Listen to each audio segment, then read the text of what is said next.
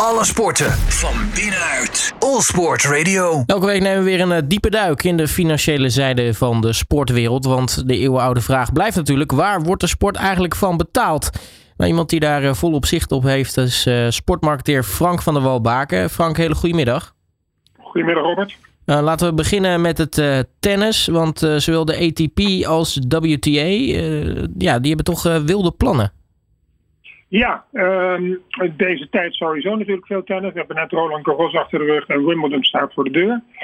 Um, de ATP, dat is dus de, Association of Tennis Professionals. Dat noem het maar de vakbond voor de mannen spelers in het tennis. Heeft een zeer ambitieus plan gepresenteerd waarin de spelers enerzijds en de toernooiorganisatoren anderzijds op een 50-50 basis de winsten gaan delen. Met andere woorden, de spelers krijgen dan meer um, uh, uit hun optreden dan alleen maar prijzengeld en startgelden. Het klinkt allemaal prachtig en uh, in wezen super democratisch, maar ik vraag me toch dan direct af: worden de startgelden die aan de grote jongens worden betaald, meestal in het onzichtbare circuit, worden die meegerekend in het financiële plaatje dat de uiteindelijke winst moet bepalen? Want let wel, als ik het over startgelden heb, dan praten we wel over ettelijke tonnen, zo niet meer, voor de toppers. En nogmaals, bovendien zijn die startgelden meestal vertrouwelijk. Dus uh, het klinkt dit allemaal heel, heel mooi en prachtig, maar uh, of het allemaal uh, zuiver en transparant wordt uitgewerkt, dat is voor mij nog een groot vraagteken. intussen heeft de WTA, en dat is de vakbond bij de vrouwen, Women's Tennis Association, een serieus voorstel op tafel vanuit Saudi-Arabië om in Jeddah een jaarlijks toernooi te uh, organiseren. Ongetwijfeld zal dit voorstel miljoenen, dollars inhouden. Uh, maar de WTA heeft vooralsnog echt op bedenktijd gevraagd. Ze hebben het niet afgewezen. En dat afwijzen, dat was namelijk wel al het geval, want Saudi-Arabië had in eerste instantie bij de ATP aangeklopt.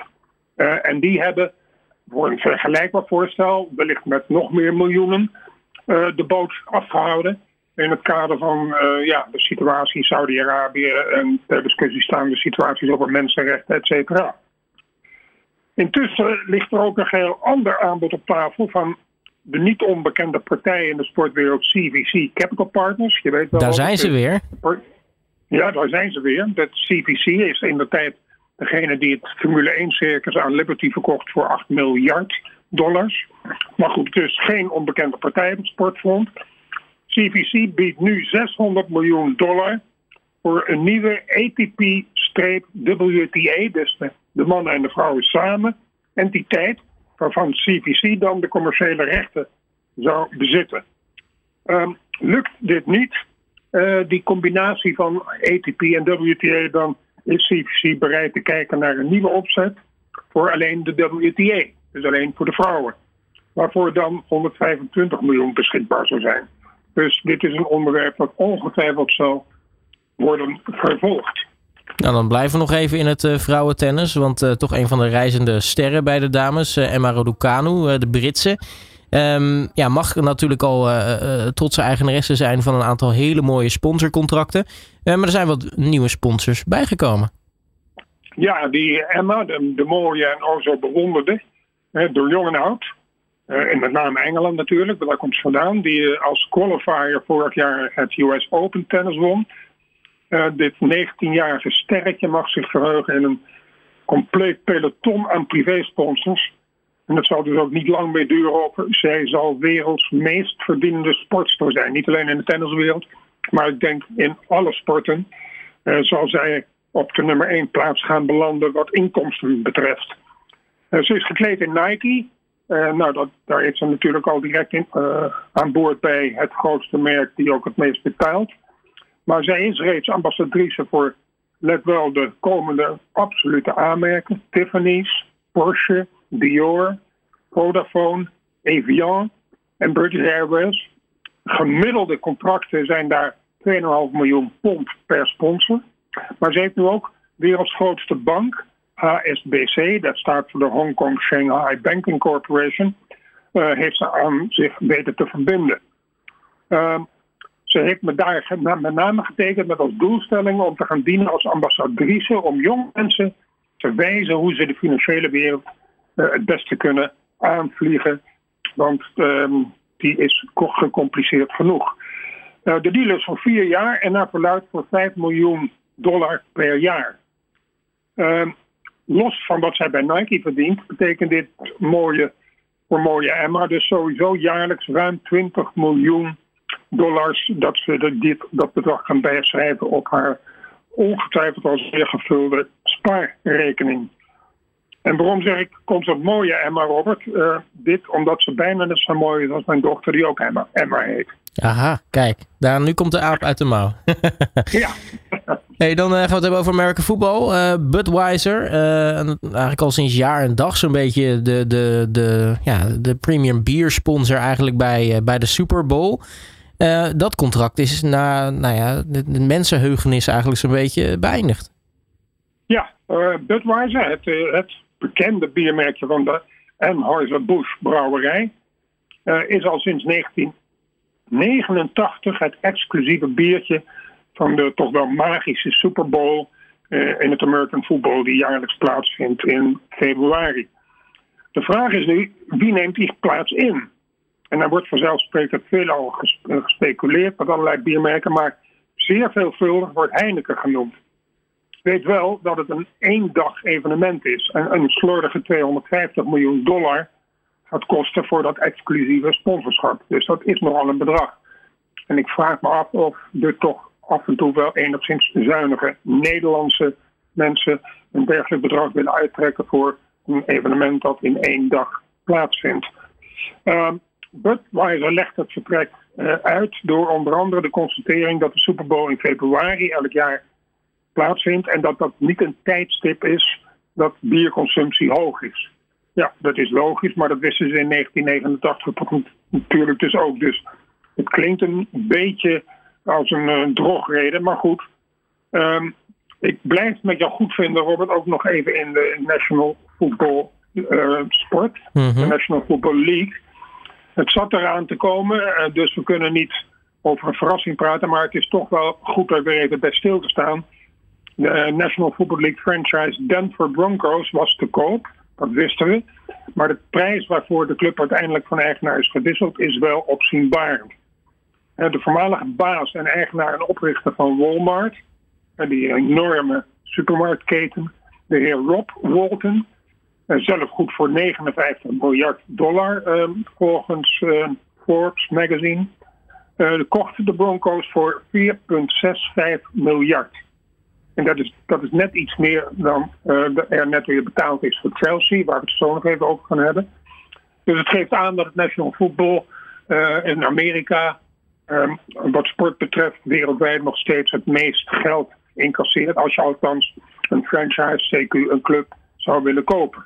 Dan uh, blijven we wel in Amerika, want uh, NBA is natuurlijk ook uh, waar heel veel geld in omgaat. daar zijn franchises natuurlijk ook niet heel erg goedkoop. Phil Knight, natuurlijk co-founder van het bekende Nike, daar zijn ze weer. die wil toch 2 miljard neertellen uh, voor uh, nou ja, de franchise uit zijn, uh, zijn geboortestad, namelijk de Portland Trailblazers. Ja, um, ehm, 2 miljard. Meneer Phil Knight, ja, bekend inderdaad, zoals je al zei, van de oprichter van Nike. De man is intussen 84 jaar oud, maar is nog steeds actief. Um, hij zou overigens niet de enige partij zijn die die Portland Trail, Trailblazers zou willen overnemen, maar hij lijkt wel de meest voor de hand liggende. Uh, de 2 miljard die Knight bereid is te betalen, zouden tot nu toe op twee na hoogste prijs zijn voor een NBA, National Basketball Association franchise. Want in 2017 werden de Houston Rockets verkocht voor 2,2 miljard dollar. En in 2019 werd er 2,3 miljard op tafel gelegd voor de Brooklyn Nets. Maar het geeft dus wel aan dat uh, fantastische bedragen natuurlijk, uh, ruim 2 miljard, dat uh, die toch nog, uh, nog niet eens de helft vormen van wat er voor een National Football League franchise wordt betaald. Frank, uh, ik weet dat jij een groot liefhebber bent van lijstjes. Dus als er lijstjes voorbij komen, weet ik al gelijk dat jij in je nopjes bent. dit keer kwam het lijstje naar buiten van de, de European Football Social Report. Ja, um, Ehm, ja, er komen heel veel lijstjes langs, maar de lijstjes die ertoe doen, althans in mijn ogen, die nemen toch altijd wel even mee. Het zijn dan, dan meestal lijstjes die leiden tot een beslissing van een potentiële sponsor of potentiële sponsors om aan boord te stappen van een sponsorship. Uh, zo zijn op dit moment natuurlijk, zoals we allemaal wel weten, de social media niet alleen belangrijk, maar zelfs af en toe doorslaggevend. De social engagement. En dus deze lijst waar ik het nu over ga hebben, de European Football Social Report 2022, ontdekte dat Manchester United en Paris Saint-Germain leidend zijn, en dan leidend met een korte ei, in engagement onder de grote voetbalclubs in Europa. En met engagement wordt gedoeld op de meest hechte band met de fans. Bij Manchester United begrijp ik dat nog, omdat ja, daar praten we toch echt, ondanks de mindere sportieve resultaten op dit moment, over een traditionele club met een enorm verleden eh, en een gevestigde situatie. En in de sport, en zeker in voetbal, tellen tradities zeer zwaar. Maar bij Paris Saint-Germain daarentegen is toch echt iets van het imago van gekocht met Arabisch geld. En komt dat de emotionele band met de fans nog goed? Kennelijk wel. Want uh, liefde is dus kennelijk toch te koop, hoe gek dat ook mogen klinken. Maar de, het rapport voegt er wel aan toe, uh, uh, ook inspelend op natuurlijk de verbazing die de uitslag van dit lijstje heeft opgeleverd, dat Cristiano Ronaldo bij Manchester United en Lionel Messi bij Paris Saint-Germain een zeer belangrijke rol hebben gespeeld in dit onderzoek. En die hebben geleid tot die enorme band met de fans. Nog even een cijfer ter ondersteuning. Paris Saint-Germain, dat commerciële circus, mhm. is nu het meest gevolgde team op TikTok met 25 miljoen volgers. Nou, dat, uh, dat is toch wel een behoorlijk aantal uh, in ieder geval. Um, ja. Nou, nu is het ook altijd een beetje de tijd van uh, nou ja, het overname van voetbalclubs. Uh, er staan volgens mij best wel wat voetbalclubs uh, te koop. maar eentje die opvalt is nou ja, dat, dat, dat nu de volgende Engelse ploeg aan de beurt is, namelijk Everton. Ja, um, kijk, elke week hebben we het wel over overnames van Europese voetbalclubs. En in de meeste gevallen negeer ik het maar, want anders wordt het een beetje eentonig. Maar als het toch een, een enigszins spraak of smaakmakende club betreft dan kom ik er toch wel eventjes op staken even bij stil. In dit geval Everton.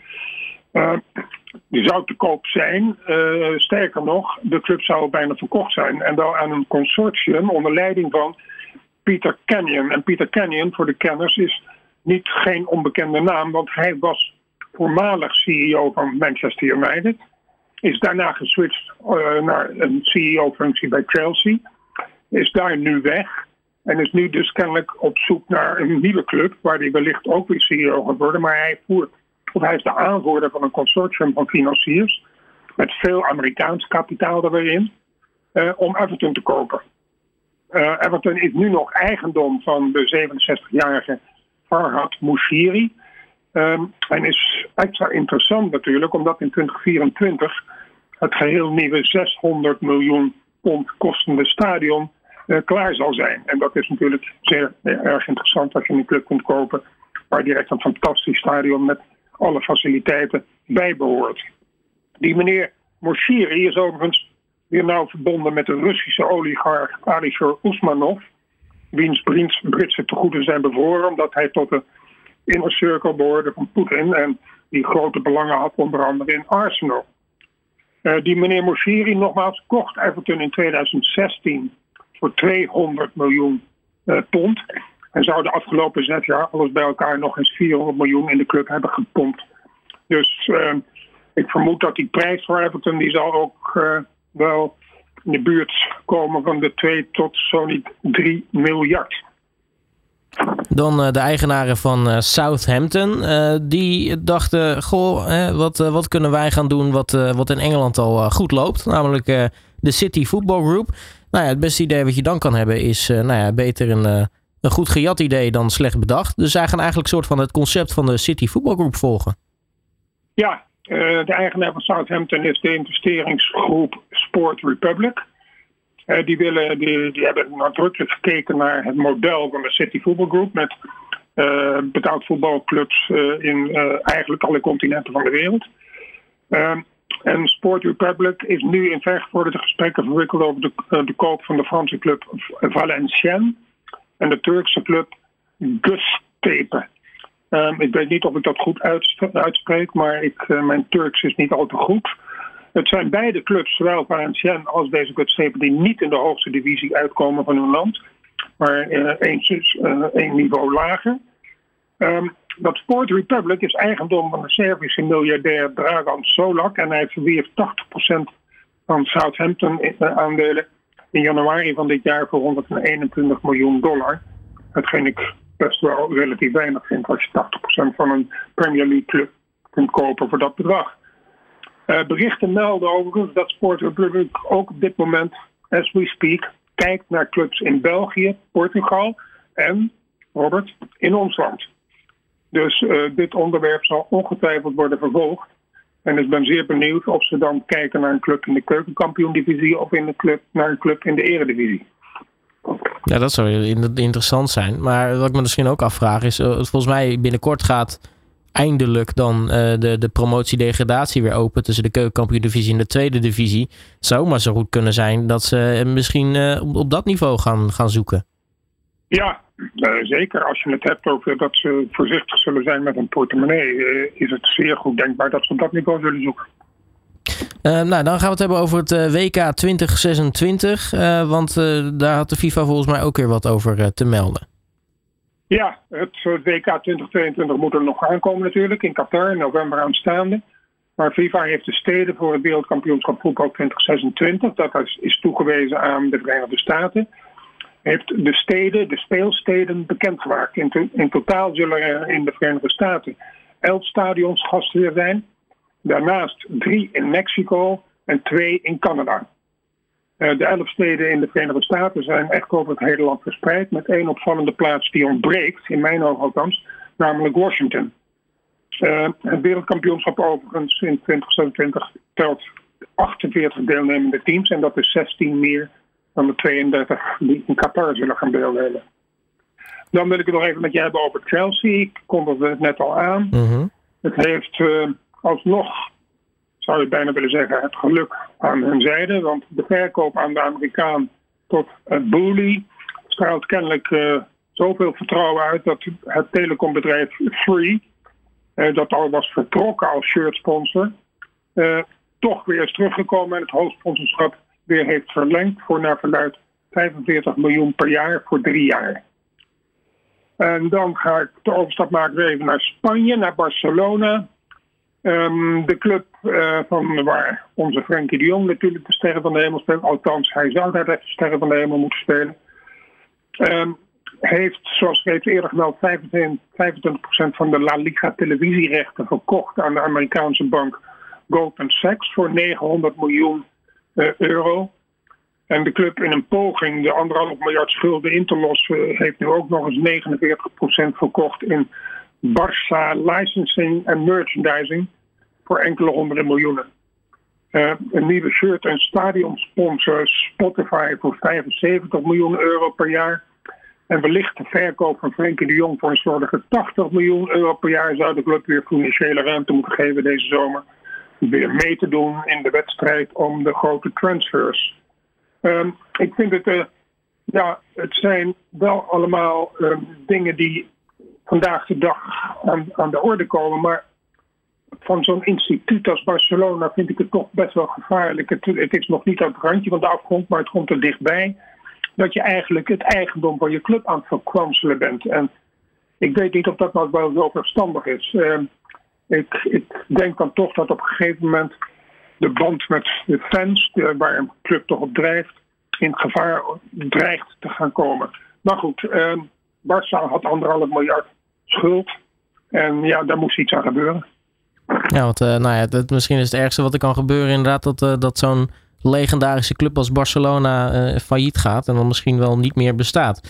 Um, dan tot slot nog wat, wat kort nieuws, Frank. Uh, beginnen met nou ja, natuurlijk het gelijktrekken van de premies voor de mannen en de vrouwen bij de KVB. Ja, dat is eigenlijk in navolging van wat er in Amerika al was aangekondigd, in Spanje en in Engeland. Uh, de KVB heeft besloten dat de bonussen voor de nationale vrouwenploeg gelijkgesteld gaan worden aan die van de mannen. let wel, ik heb het hier alleen over de bonussen en of de salariering in trainingskampen als ze zich voorbereiden op het toernooi. Want dat geldt niet voor de televisierechten, het geldt niet voor de sponsors en het geldt niet voor de prijzengelden die UEFA en FIFA bieden bij EK's en WK's. En dat is natuurlijk wel te begrijpen, want daar wordt natuurlijk toch meer gekeken naar wat levert een WK mannen op aan televisierechten en aan sponsoring. En dat is toch aanzienlijk meer dan een EK of een WK vrouwenvoetbal. Dus dat daar nog niet alles gelijk wordt getrokken is redelijk logisch in mijn ogen. Dan uh, de Franse voetbalbond uh, heeft het hoofdsponsorschap van beide nationale ploegen, zowel de mannen als de vrouwen, met het telecombedrijf Orange verlengd. Of Orange, ja, het is Frans, je bent geneigd te zeggen Orange. Verlengd voor 5,5 miljoen uh, euro per jaar voor vier jaar. En dan tot slot, um, als we het toch weer over grote bedragen hebben en veel geld, de UEFA, de Europese voetbalbond, heeft de prijzengelden voor de jaarlijkse Champions League bekendgemaakt. Uh, die gaan gelden vanaf het seizoen 24-25, als de hele Champions League een soort uh, ja, herpositionering gaat meemaken. Nederlandse clubs die deelnemen zijn verzekerd, nu al, vanaf dat seizoen 24-25, van minimaal 80 miljoen. Ook, eh, ook al redden ze de eerste ronde niet, ze zullen sowieso 80 miljoen krijgen, want ze komen in het eerste stadium in een pool terecht, spelen ze sowieso wedstrijden. En 80 miljoen, dat is het dubbele van wat uh, Ajax uh, het afgelopen jaar heeft verdiend in de Champions League. En de winnaars van het afgelopen seizoen, uh, die hebben, of de winnaar heeft 120 miljoen verdiend. En dat zal dus in de nieuwe opzet waarschijnlijk 240 miljoen zijn. Nou, met dat soort bedragen kan iedereen weer rustig gaan slapen. Want de sportwereld heeft het plafond kennelijk nog steeds niet bereikt. En dan uh, over een paar jaar zijn er misschien, uh, verdient de winnaar gewoon een miljard of zo. Dat, uh, dat ziet er ja, zomaar in. Ik, ik sta nergens meer. jaren geleden zei ik van nou, nou komen we toch wel in de buurt van de plafonds. Maar elke dag word ik nog steeds verrast over de bedragen die maar blijven stijgen. Dus is er nog iemand die beweert dat sport geen big business is? Precies. Hey Frank van der Welbaken, dat was hem weer. Mag ik je danken voor je tijd en spreek je natuurlijk volgende week weer. Oké, Robert, tot volgende week. Alle sporten van binnenuit. All Sport Radio.